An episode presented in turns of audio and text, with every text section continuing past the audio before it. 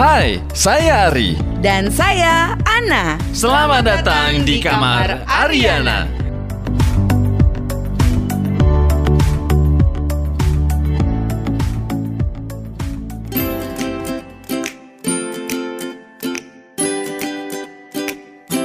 Hai, saya Ari. Dan saya Ana. Selamat, datang, di kamar Ariana. Let's Community Science. Ketemu lagi teman-teman di edisi hari ini untuk teori komunikasi. Nah, untuk pertemuan kali ini kita akan ngomongin mengenai komunikasi massa dan juga pengaruhnya. Oke, Gitu. siap. Tapi ada background nih ya Pak Ari ya. Ya, kebetulan kita lagi di wilayah Ya, ini ada di sekitar pesantren lah ya. Jadi, mohon maaf kalau ada backsound-backsound ya.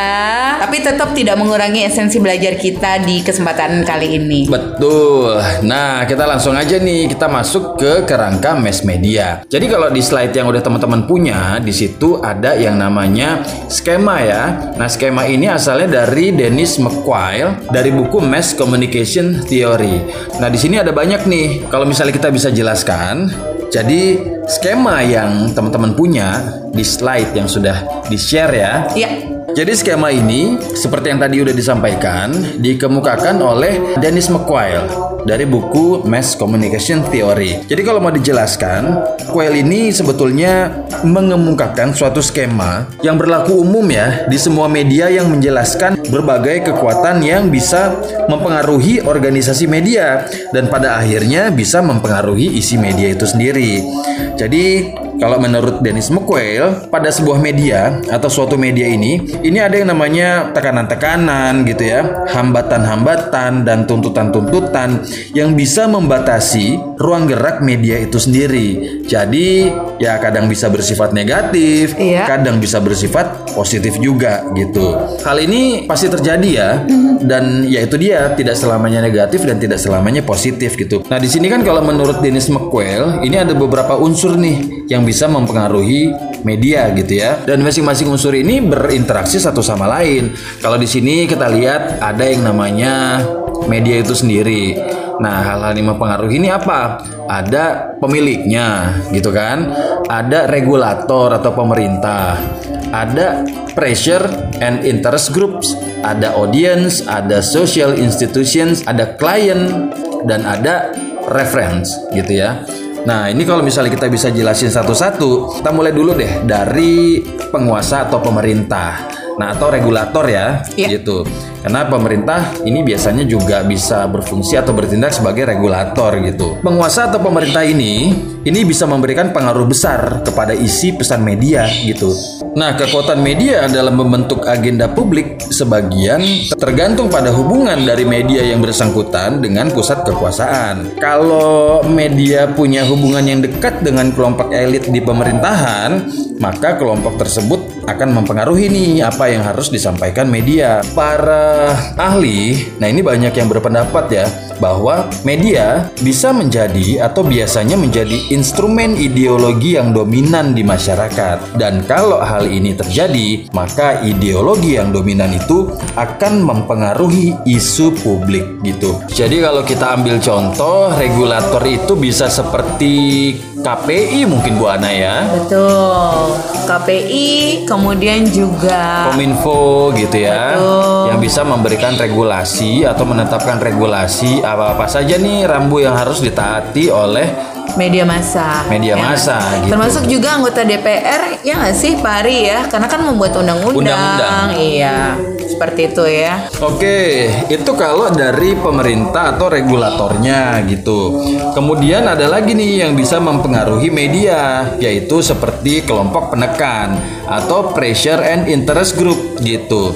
Jadi hubungan antara media dan masyarakat ini sering eh, dijembatani melalui berbagai kelompok informal sebetulnya, tapi sering kali terorganisir juga. Nah, inilah yang disebut dengan kelompok penekan atau pressure groups ya, yang berusaha mempengaruhi apa yang dilakukan oleh media dengan cara membatasi isi atau pesan media kepada masyarakat. Kelompok penekan ini bisa berupa organisasi atau kelompok, baik formal atau informal. Tentunya dengan berbagai kepentingan dan latar belakang ya, pasti beda-beda gitu tujuannya. Seperti kelompok atau organisasi agama gitu, atau organisasi profesi gitu ya. Kemudian uh, politik atau kelompok advokasi dan sebagainya. Nah ini sering kali membatasi media dalam memberitakan sesuatu gitu. Jadi apabila memang isi beritanya terkait dengan kelompok-kelompok tersebut atau pihak-pihak tertentu, nah biasanya ada yang namanya kelompok penekan nih yang membatasi media untuk memberitakan hal tersebut karena mungkin takutnya akan ada pihak-pihak yang misalnya mhm. tersinggung mm-hmm. gitu ya yeah. atau memicu konflik gitu mungkin bisa aku kasih contoh kayak gini ya Pak Ria dulu kan pernah ada tuh Playboy Indonesia ya Betul. yang uh, baru yes. hadir di Indonesia uh. gitu ya nah ketika dia pertama kali muncul itu banyak sekali masyarakat ya kemudian organisasi masyarakat yang tidak setuju dengan kehadiran dari uh, majalah tersebut sehingga akhirnya mereka melakukan waktu itu melakukan aksi demonstrasi ya dan meminta agar majalah tersebut tidak diedarkan di Indonesia tidak gitu karena dianggap tidak sesuai dengan norma norma-norma yang berlaku di Indonesia. Tapi gitu. padahal kalau dipikir-pikir kalau dilihat dari kontennya sebetulnya sebenarnya sih uh, Playboynya itu nggak sama kayak Playboy ya. yang ada di luar ya di Amerika di luar dan kayak gimana sih Bu Ana? Ah, jadi malu ketahuan. Maksudnya ya gambar-gambarnya lebih vulgar. vulgar gitu kan. Sementara kalau di Indonesia sendiri kan majalah-majalah serupa juga ada kayak popular, kemudian For Him Magazine. Yeah. Itu kan majalah pria dewasa tapi yang sudah disesuaikan dengan kondisi masyarakat Indonesia. Ya, cuman ya karena image-nya sudah melekat ya. Yeah. Playboy sebagai majalah yang vulgar ya otomatis ada kelompok penolakan ya, ya yang yang menolak. penolakan betul. Seperti itu jadi contohnya. Jadi berbagai kelompok atau organisasi ini sering menyampaikan keluhan, kritik atau penolakan terhadap isi media massa seperti yang barusan kita sampaikan. Mereka ini juga uh, biasanya sering melakukan pendekatan atau lobbying ya, biasanya kepada pemerintah sih atau lembaga pembuat kebijakan lainnya terkait dengan berbagai macam isu. Ya khususnya moralitas, bias politik, dan representasi kelompok minoritas di media massa. Nah, kalau di banyak negara, media massa ini sering mendapatkan tekanan dari berbagai kelompok penekan untuk bersikap positif terhadap berbagai macam kelompok minoritas, termasuk kelompok etnis atau misalnya perempuan, dan lebih sensitif lagi terhadap kebutuhan kelompok yang dinilai lemah seperti anak-anak, masyarakat miskin, kaum disabilitas, tunawisma dan lain sebagainya sebagainya hmm. gitu. Jadi uh, dapat ya bayangannya atau ilustrasinya kelompok penekan itu seperti apa gitu. Kemudian ada di sini uh, pemilik pemilik media itu sendiri gitu. Nah ini bisa mempengaruhi terhadap medianya nih. Oke. Okay. Jadi yang namanya pemilik ini pemilik media ya tentunya kan punya kekuasaan besar ya terhadap isi media dan bisa meminta para profesional media untuk menyiarkan atau tidak terhadap satu isi media gitu. Banyak penelitian ini menunjukkan bahwa pemilik media menggunakan kekuasaannya untuk ikut serta menentukan isi media. Kita udah sempat ya bicarakan di pertemuan yang sebelumnya bagaimana pemilik media itu bisa mempengaruhi isi berita itu disiarkan. Jadi masing-masing media massa ini biasanya punya kepentingan sendiri-sendiri nih, kepentingan politis gitu. Tapi sebetulnya terdapat ketentuan yang cukup kuat terkait dengan kegiatan jurnalistik yang melindungi kebebasan jurnalis dalam mengambil keputusan jurnalistik gitu. Penelitian lain yang dilakukan ini menunjukkan bagaimana para editor merasa segan untuk mengakui menerima pengarahan dari pemilik media mengenai isi media. Tapi mereka menilai intervensi pemilik terhadap isi media masih dalam tahap yang wajar gitu. Oke, itu tadi kalau untuk uh, pemilik pemilik medianya. Kemudian di sini ada yang namanya pemasang iklan atau klien ya. Biasanya kliennya media massa ini ya seperti pemasang iklannya itu, yang langganan gitu masang iklan di media massa gitu ya. Nah, iklan ini juga salah satu yang bisa mempengaruhi uh, media ya gitu. Jadi uh, pengaruh iklan terhadap isi media ini sebetulnya udah lama ya jadi bahan pembicaraan sebetulnya di kalangan peneliti komunikasi massa. Iya. Nah, pada satu sisi struktur dari sebagian sebagian besar industri media massa di banyak negara kapitalis secara jelas mencerminkan kepentingan pemasang iklan. Hal ini secara historis sudah berkembang bersamaan dengan perubahan sosial dan ekonomi. Nah, dalam hal ini bukan satu kebetulan ya kalau target audience media ini adalah sama dengan target konsumen pemasang iklannya gitu. Pengaruh pemasang iklan juga terlihat pada isi media yang dirancang sedemikian rupa sehingga memiliki pola-pola yang sama dengan pola konsumsi target konsumen. Desain, rancangan, perencanaan, dan uh, seperti jadwal media ini sering kali mencerminkan kepentingan pemasang iklan gitu. Hal yang masih sulit dibuktikan adalah apakah pemasang iklan dapat secara langsung melakukan intervensi untuk mempengaruhi isi berita, terlebih berita tentang pemasang iklan itu sendiri agar dapat mendukung kepentingan mereka. Hal yang masih sulit dibuktikan adalah apakah pemasang iklan dapat secara langsung melakukan intervensi untuk mempengaruhi isi berita gitu ya. Nah, contohnya sering ya misalnya pada saat uh, tayangan sinetron di televisi, misalnya ada bintangnya katakanlah Baim Wong gitu. Mm-hmm. Nah nggak lama kemudian ada iklan yang dibintangi oleh Baim Wong gitu. Mm-hmm. Nah contohnya seperti itu. Nah kadang-kadang itu memang dicocok-cocokin gitu ya uh, jam tayangnya jam berapa, mm-hmm. iklannya dipasangnya di jam tayang tersebut. Gitu. Oke, okay. mungkin untuk menambah betul. ini ya efek dari pemasangan iklannya itu sendiri betul, ya. Betul. Kan otomatis kalau misalnya ada sinetron yang dibintangi katakanlah oleh Baim Wong. Mm-hmm misalnya banyak yang nonton nih, hmm. otomatis si pemasang iklan dari produk yang dibintangi oleh Baim Wong tersebut kan dipasang di jam-jam tersebut supaya yang melihat iklannya juga banyak. Gitu. Betul. Gitu. Terus ada yang namanya audience. Oke, jadi audiens ini sebetulnya adalah faktor yang paling penting untuk media karena audiens adalah konsumen dari media. Keberhasilan suatu media ini sangat ditentukan ya oleh seberapa besar media bersangkutan bisa memperoleh pembacanya, pendengarnya, atau penontonnya gitu. Walaupun disadari bahwa Audiens merupakan faktor paling penting bagi media, tapi sejumlah penelitian ini menunjukkan bahwa pengelola media massa atau komunikator massa sering kali menjadikan audiens bukan sebagai faktor terpenting yang mempengaruhi pekerjaan mereka, tapi mereka tetap mengikuti laporan peringkat acara atau rating ya dan angka penjualan iklan sebagai indikator untuk mengetahui jumlah audiens mereka gitu. Audiens ini ya penontonnya ya gitu, gampangnya gitu deh. Jadi itu sebagian penjelasan dari unsur-unsur yang ada pada kerangka uh, media massa yang dikemukakan oleh Dennis McQuail dari buku Mass Communication Theory. Jadi uh, secara garis besar atau dengan bahasa lain hal-hal tersebut atau unsur-unsur tersebut bisa mempengaruhi nih bagaimana media tersebut menyiarkan satu konten atau menyiarkan satu isi berita gitu. Oke, kemudian kita masuk ke kerangka objektif dari media massa ya. Jadi di sini ada juga skemanya. Skema atau model ya yang dikemukakan oleh Dennis McQuail. Masih Dennis McQuail nih dari buku Mass Communication Theory. Jadi kalau misalnya kita ngomongin media massa, ini sebetulnya nggak hanya melulu masalah kebebasan sebetulnya ya. Jadi kalau dalam isi pemberitaan mm -hmm. itu ada yang namanya istilahnya objektivitas okay. gitu. Yang namanya kebebasan media itu sebetulnya belum cukup ya untuk menghasilkan pemberitaan yang berkualitas dan profesional. Kalau media nggak memiliki sumber daya manusia yang memiliki pengetahuan dan terlatih di bidangnya gitu. Nah, Konsep penting dalam hubungannya dengan kualitas berita adalah sifat objektif dari suatu berita. Objektivitas adalah suatu tindakan atau sikap tertentu terkait dengan pekerjaan mengumpulkan, mengolah, dan menyebarluaskan informasi. Nah, pada dasarnya nggak gampang nih sebetulnya untuk membuat kriteria mengenai pemberitaan yang objektif, gitu. Makanya ada yang namanya model seperti ini uh, kalau dalam skema yang teman-teman punya di slide gitu ya ini bisa di, bisa dilihat nih bahwa pemberitaan yang objektif harus punya dua kriteria. Apakah itu?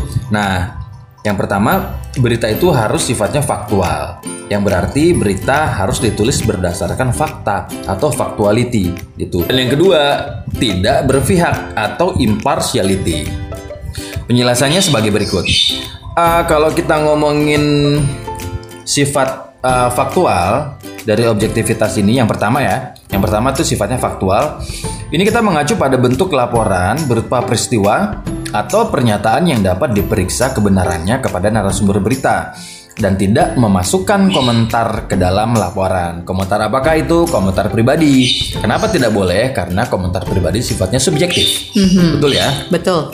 Uh, atau setidaknya uh, dapat dibedakan dengan jelas antara fakta dan komentar. Okay. Gitu, setidaknya begitu. Nah, sifat faktual juga melibatkan kriteria kebenaran lainnya yaitu kelengkapan penjelasan seperti 5W1H. Mm-hmm. Udah tahu pasti teman-teman ya? Aku tahu sih. 5W1H.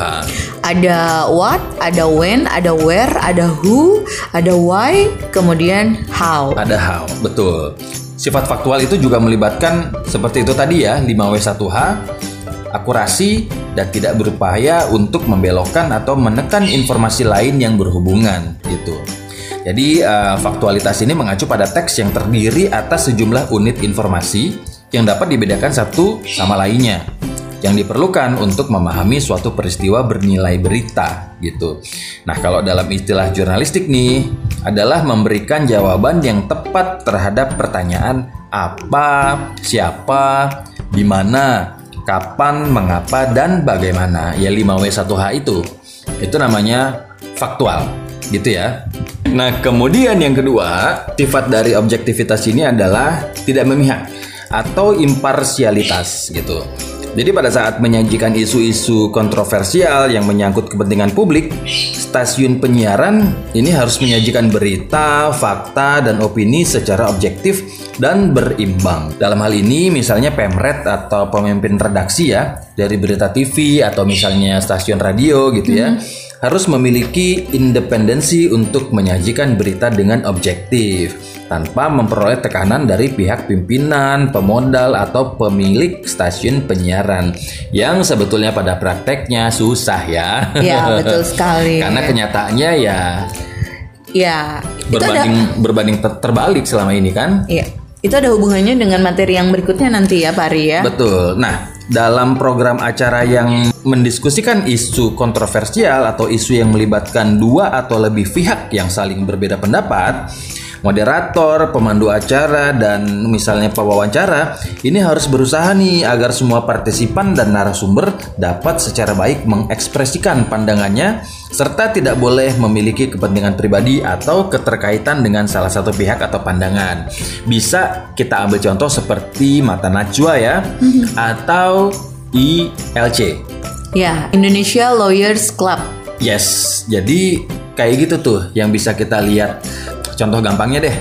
Jadi si Mbak Najwa ini mm-hmm. atau mungkin si Pak Karni Ilyas ya, Pak Karni Ilyas sebagai moderator idealnya sih memang nggak boleh tidak memihak boleh ya. memihak ya harus netral harus Betul. berimbang ya dan ada satu lagi nih hmm. uh, tidak semua talk show seperti itu yang sifatnya penting harus memiliki atau memberikan kesimpulan pada mm -hmm. pada hasil akhirnya gitu. Yeah. Kadang-kadang itu dibiarkan uh, mengambang agar audiens bisa berpikir Ya, audiens bisa mengambil sendiri kesimpulannya ya. Betul. Mungkin ada istilah jurnalistik cover both side ya, di mana memang harus uh, berimbang, harus bisa mengcover dari dua sisi ya Pari ya. Betul. Kemudian yang berikutnya ada yang namanya kerangka kebebasan media massa. Mm-hmm. Ini ada skemanya juga nih. Mungkin yeah. Bu Ana bisa bantu jelasin nih. Oke. Okay. Jadi menurut McQuail di bukunya di tahun 2005 bahwa kebebasan sebagai sebuah prinsip dari kinerja media di antaranya adalah independent status, kemudian access to channels, dan diversity of supply. Status independent media tercermin dari keterpercayaan atau reliability yang disampaikan kepada audiens adalah yang diliput oleh media sendiri atau originality dan posisi kritisnya atau critical stance. Akses pada saluran dimaksudkan dengan peruntukan media dan ada banyak pilihan bagi semua orang yang meliputi posisi kritis atau critical stance dan pilihan atau choice, keragaman pasokan informasi termasuk dalam hal penyediaan pilihan atau choice dan perubahan atau change. Nah, uh, McQuail menempatkan kebebasan media sebagai prinsip dasar dari teori-teori komunikasi publik yang berupaya untuk memberikan keuntungan bagi individu maupun masyarakat. Nah, keuntungan tersebut meliputi memungkinkannya pengawasan secara independen dan sistematis atas penguasa dan adanya informasi yang memiliki kehandalan tentang kegiatan mereka sebagai stimulan atas sistem demokrasi dan kehidupan sosial yang aktif adanya kesempatan untuk mengekspresikan gagasan, keyakinan, dan pandangan tentang dunia. perubahan dan perbaikan budaya dan masyarakat yang berkesinambungan, dan meningkatkan jumlah dan variasi kebebasan. Begitu Pak Ari. Jadi gitu penjelasannya ya. Oke, kemudian ada nih yang nggak kalah penting juga ini mengenai karakteristik dari komunikasi massa atau mass communication ya. Jadi di sini ada yang namanya istilahnya one way traffic communication. Ini maksudnya apa? Karena dalam komunikasi massa itu katakanlah berita atau acara yang disiarkan oleh media massa seperti televisi mm-hmm. atau radio atau surat kabar gitu ya. Ini sifatnya satu arah, maksudnya disampaikan hanya dari media tersebut kepada audiens atau kepada komunikannya. Nah, kenapa disebut satu arah? Karena komunikasinya tidak ada feedback dari komunikan atau audiensnya gitu. Jadi diterima secara massal mm-hmm. dan tidak ada feedback. Makanya disebutnya one way traffic communication gitu. Satu arah ya. Satu arah. Ya seperti kalau kita nonton berita gitu mm-hmm. atau kalau kita dengerin siaran radio atau kalau kita baca surat kabar gitu ya atau majalah ya kan kita nggak bisa langsung kasih feedback ya seperti itu.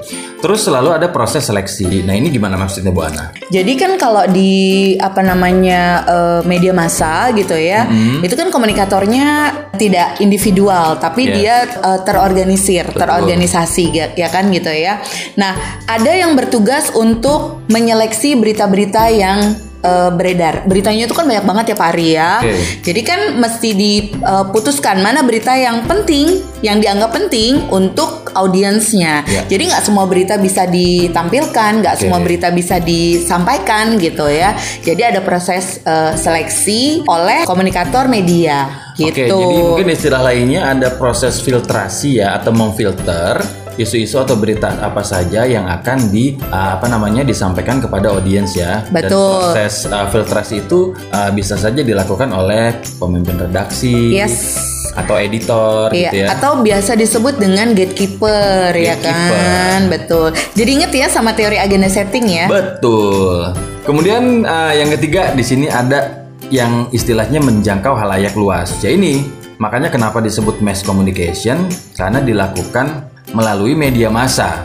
Nah, kenapa dilakukan media massa? Agar berita tersebut atau informasi tersebut atau program tersebut bisa diterima atau bisa disebarkan kepada halayak luas gitu.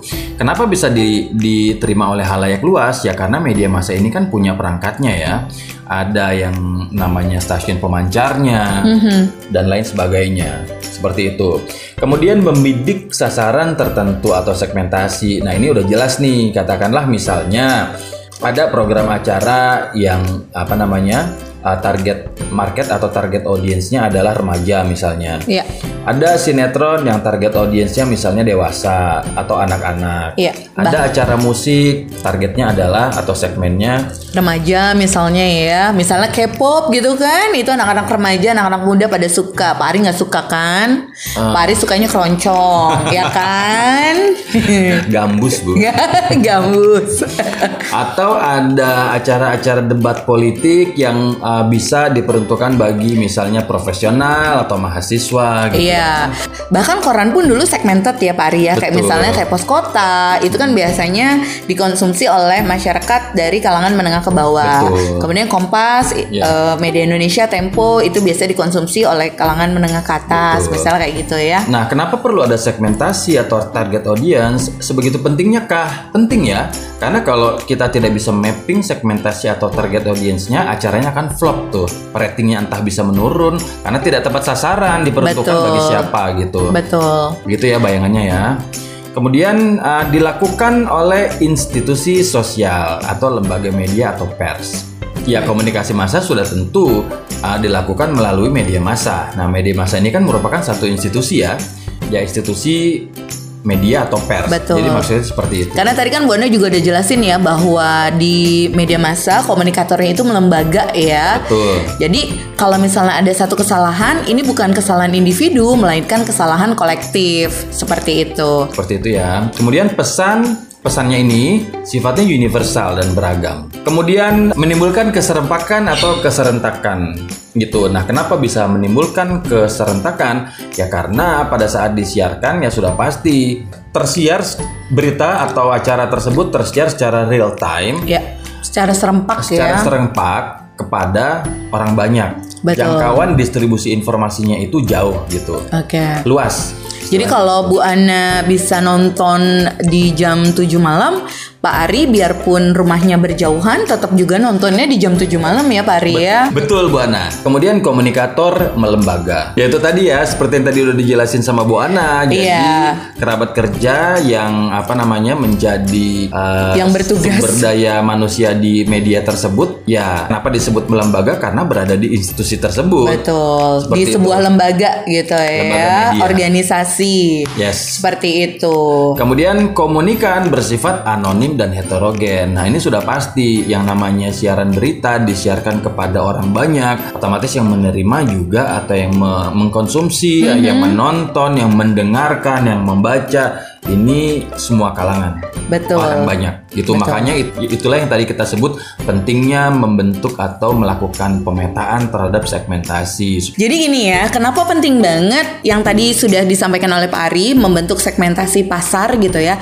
Karena tiap segmentasi pasar itu pasti punya kecenderungan atau punya kebutuhan yang berbeda satu sama lain. Satu contoh misalnya gini kalau ngomongin soal investasi aja tentu investasi masyarakat menengah ke bawah akan berbeda dengan investasi masyarakat menengah ke atas. Kalau menengah ke bawah mungkin lebih suka investasi misalnya kalau properti ya propertinya sekelas kontrakan kayak gitu ya atau emas misalnya. Sementara kalau segmentasinya menengah ke atas kalau ngomongin investasi pasti dia lebih suka ngomongin misalnya saham, kemudian juga kalaupun properti ya, propertinya tuh yang harganya miliaran gitu kan yang tahu dong iklan-iklan Senin harga naik. Nah, yang kayak gitu ya.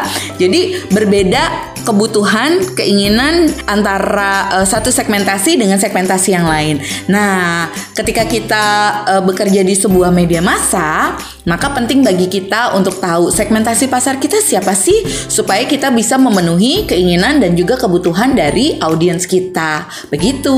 Oke, jadi seperti itu ya. Kemudian umpan balik tertunda atau delayed feedback. Nah, kenapa bisa tertunda? Yaitu tadi karena komunikasinya dilakukan secara satu arah atau one way traffic communication gitu. Kenapa audiens tidak bisa melakukan feedback ya? Karena memang uh, medianya tidak mendukung ya. Kita kan nggak bisa ini ya melakukan umpan balik kepada televisi atau majalah atau radio. Bisa sih sebetulnya, cuman ya akan tertunda. Misalnya ada rubrik konsultasi di sebuah majalah, kita bisa tuh mengirimkan email atau surat gitu ya. Mm -hmm. uh, kita konsultasi mengenai masalah kesehatan gitu.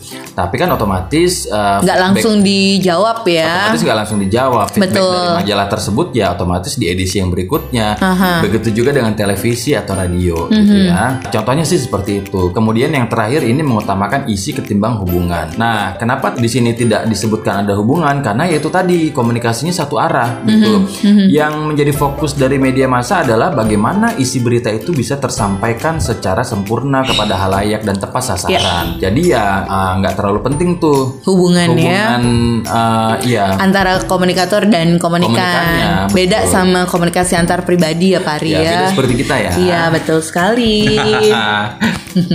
Kemudian ada berikutnya ini mengenai karakteristik mass media. Gitu ini ada yang namanya publisitas, universalitas, periodisitas, kontinuitas dan aktualitas. Nah penjelasannya seperti ini ini ya. Kalau kita ngomongin publisitas, publisitas itu kan sebetulnya artinya penyebaran informasi kepada publik atau halayak. Mm -hmm. Nah, oleh karena itu sifat uh, dari media adalah umum dan isinya pun terdiri dari berbagai hal yang erat kaitannya dengan kepentingan umum gitu. Nah, katakanlah surat kabar gitu ya. Surat kabar kan diterbitkan untuk publik nih, untuk masyarakat umum atau siapa saja. Siapa pun boleh membeli dan membaca isinya bertujuan untuk diketahui masyarakat umum. Itu maksudnya publicity ya. Kemudian ada yang namanya universalitas gitu. Universalitas ini artinya kesemestaan dalam hal isi dan bersumber dari seluruh dunia. Dengan kata lain, surat kabar ini memuat segala aspek kehidupan manusia yang Yeah. tentunya menjadi human interest ya gitu Yeah. atau disukai oleh orang banyak gitu. Isinya nggak hanya mengenai satu persoalan aja, misalnya nggak hanya mengenai olahraga aja, isinya mengenai semua persoalan yang menjadi perhatian manusia seperti pendidikan, politik, sosial, budaya, hukum, ekonomi, kriminalitas dan lain sebagainya gitu. Kemudian ada yang namanya periodisitas gitu. Nah, periodisitas ini adalah keteraturan dalam penerbitan. Kalau misalnya surat kabar katakanlah umumnya terbitnya satu kali sehari gitu ya. Ya. Biasanya sih gitu. Surat kabar ini terbit pada waktu yang telah ditentukan sebelumnya. Periode terbit ini bersifat tetap dan teratur gitu. Misalnya ya kalau selain yang tadi surat kabar harian, atau contoh lain surat kabar harian yang terbitnya sore ya terbitnya pada sore hari kecuali pada hari libur gitu ya. Kayak gitu. Terus ada yang namanya kontinuitas. Kontinuitas ini maksudnya isinya berkesinambungan. Jadi misalnya surat kabar hari ini memuat berita kasus Novel Baswedan. Novel Baswedan gitu. Nah, pada uh, edisi yang terbit selanjutnya ya memuat juga berita tersebut gitu sampai misalnya Vonis uh, Vonisnya. hakim ya terhadap pelakunya ya. Seperti itu. Jadi berkesinambungan gitu istilahnya. Kemudian yang terakhir ini ada aktualitas gitu. Aktualitas ini maksudnya bahwa segala informasi atau pemberitaan yang dimuat dalam surat kabar merupakan laporan peristiwa yang baru terjadi gitu. Oleh karena itu, yang terpenting adalah kecepatan laporan tanpa mengesampingkan pentingnya kebenaran berita gitu. Nah, di samping itu beberapa upaya yang ditempuh oleh redaktur surat kabar agar lebih menarik ya bagi banyak orang, maka di dalamnya sering misalnya kita kita temukan ada uh, cerita bersambung gitu atau cerita bergambar, artikel-artikel yang menarik atau suka uh, masih ngalamin nggak ada teka-teki silang tuh dia.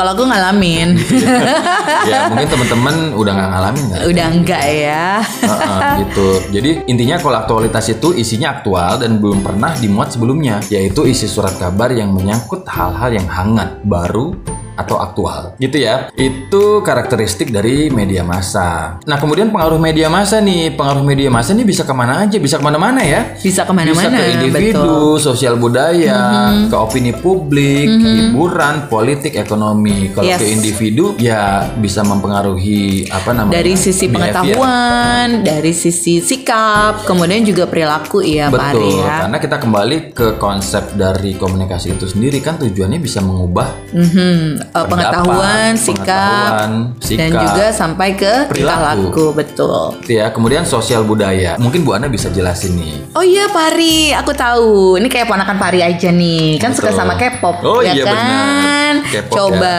itu kan disebarluaskan melalui media massa. Betul. Dulu aku nggak tahu Gangnam Style, terus karena nonton di televisi, akhirnya aku jadi tahu tuh Gangnam Style. Jadinya jago deh kita ya. Enggak, enggak jago juga.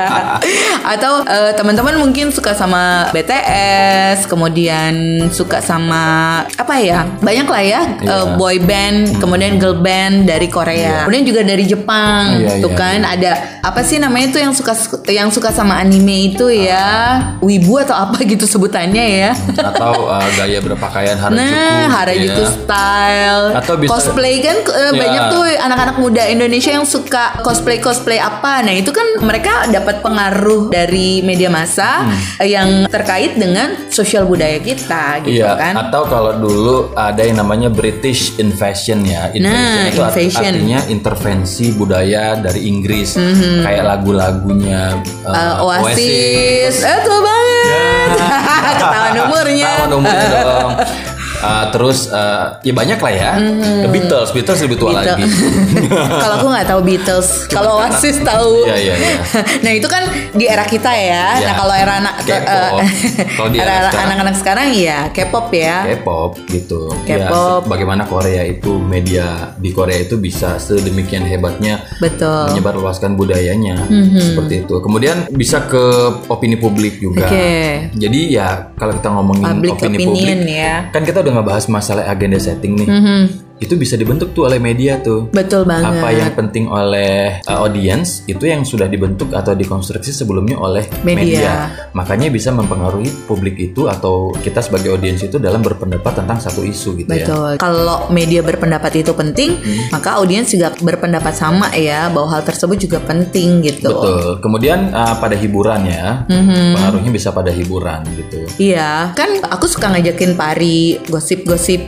Eh, tahu nggak gosip terbaru dari Mimi gitu kan? Si Mimi itu siapa ya? Kak Krisdayanti. Oh, Krisdayanti. kan lagi berseteru tuh ya Oke, kan. yang sama Aurel. Sama Aurel sama uh, adiknya tuh Azriel ya kan. Ah, sama Terus suaminya uh, eh, Raul Lemos. Raul, Raul Lemos, bukan Raul bukan. Lemos ya. bukan Raul Gonzales juga Bukan gitu. pemain bola Terus dong, Bu. gara-gara Bu, Kok Ibu tahu Raul Gonzales? Tua banget, Bu. Gara-gara berseteru sama ibu kandungnya sama ibu sambungnya dibeliin mobil mewah loh. Tuh kan? Aku tahu dari mana? Dari media massa. Kemudian uh, bisa pengaruh ke politik ya, Mhm. gitu. Ya misalnya pada saat uh, masa-masa pemilu gitu kan, bagaimana media massa ini bisa mengarahkan ya audiens itu Betul, memilih yang mana, betul, pasangan yang betul, mana gitu. betul. Karena balik lagi yang namanya media massa ini masing-masing tuh kalau pemiliknya orang-orang partai, ya otomatis akan diarahkan tuh. Mhm. Betul, Ya kan? Kita betul. bakalan milih apa? Oh, pasangan nomor uh, 20 Mhm. uh, bagus. Oh, pasangan nomor uh, 15 oke gitu kan. Contohnya gitu. Saya nggak. Iya. menyebut yang satu atau dua ya, Bu ya. Sebut aja sih satu atau dua gitu kan. Kemudian pengaruh ke ekonomi juga. Iya, jadi kalau misalnya kayak kemarin nih eh, pemerintah Indonesia mau ke new normal gitu kan karena merasa bahwa ya ekonomi bisa kolaps nih kalau kita tidak tapi mungkin lebih kepada adaptasi dengan adanya pandemi COVID-19.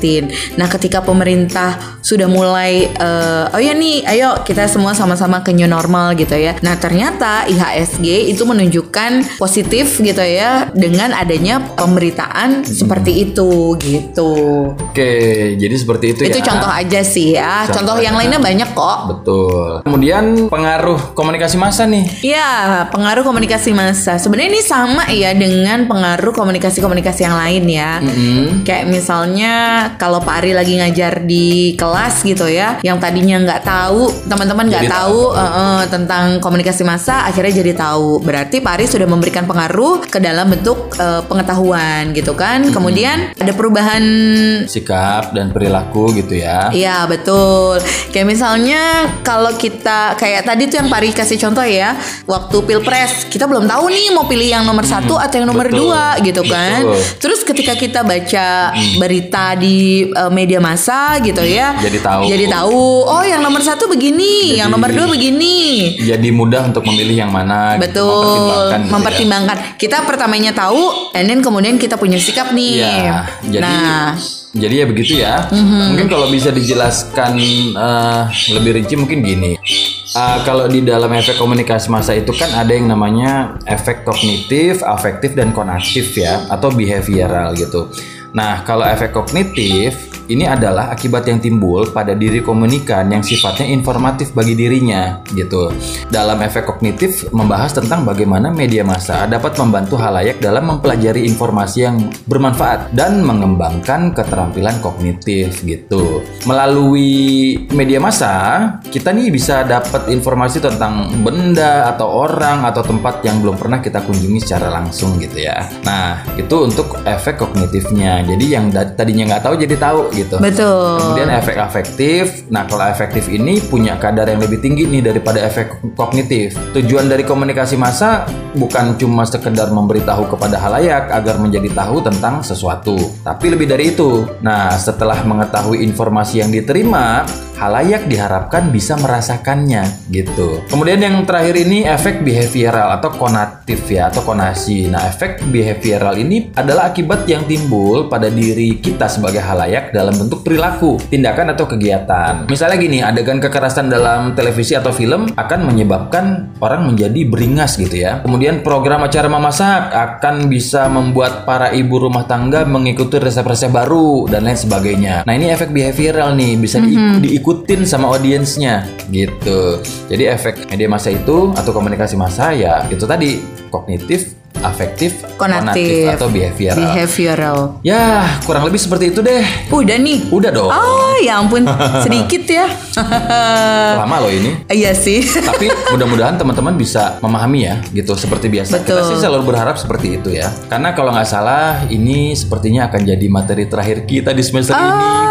Ah, ya Allah. sedih ya. Karena udah mau uas ya. Karena udah mau uas. Asik. Gitu. Jadi kalau begitu uh, sekali lagi mudah-mudahan teman-teman bisa menyerap apa yang menjadi intisari dari yang kita bicarakan. Kita ketemu lagi di pertemuan selanjutnya. Eh jangan salah masih ada pertemuan-pertemuan selanjutnya. Untuk apa? Untuk kuis dan tugas. Materinya udah pak, udah. Tapi tugas sama kuisnya belum. Belum. Aduh, itu padahal bagian paling. Oke deh, semangat terus ya teman-teman ya. ya, Kita semangat. ketemu lagi. Saya Ana. Saya Ari. Kami sign out. Bye. Dadah.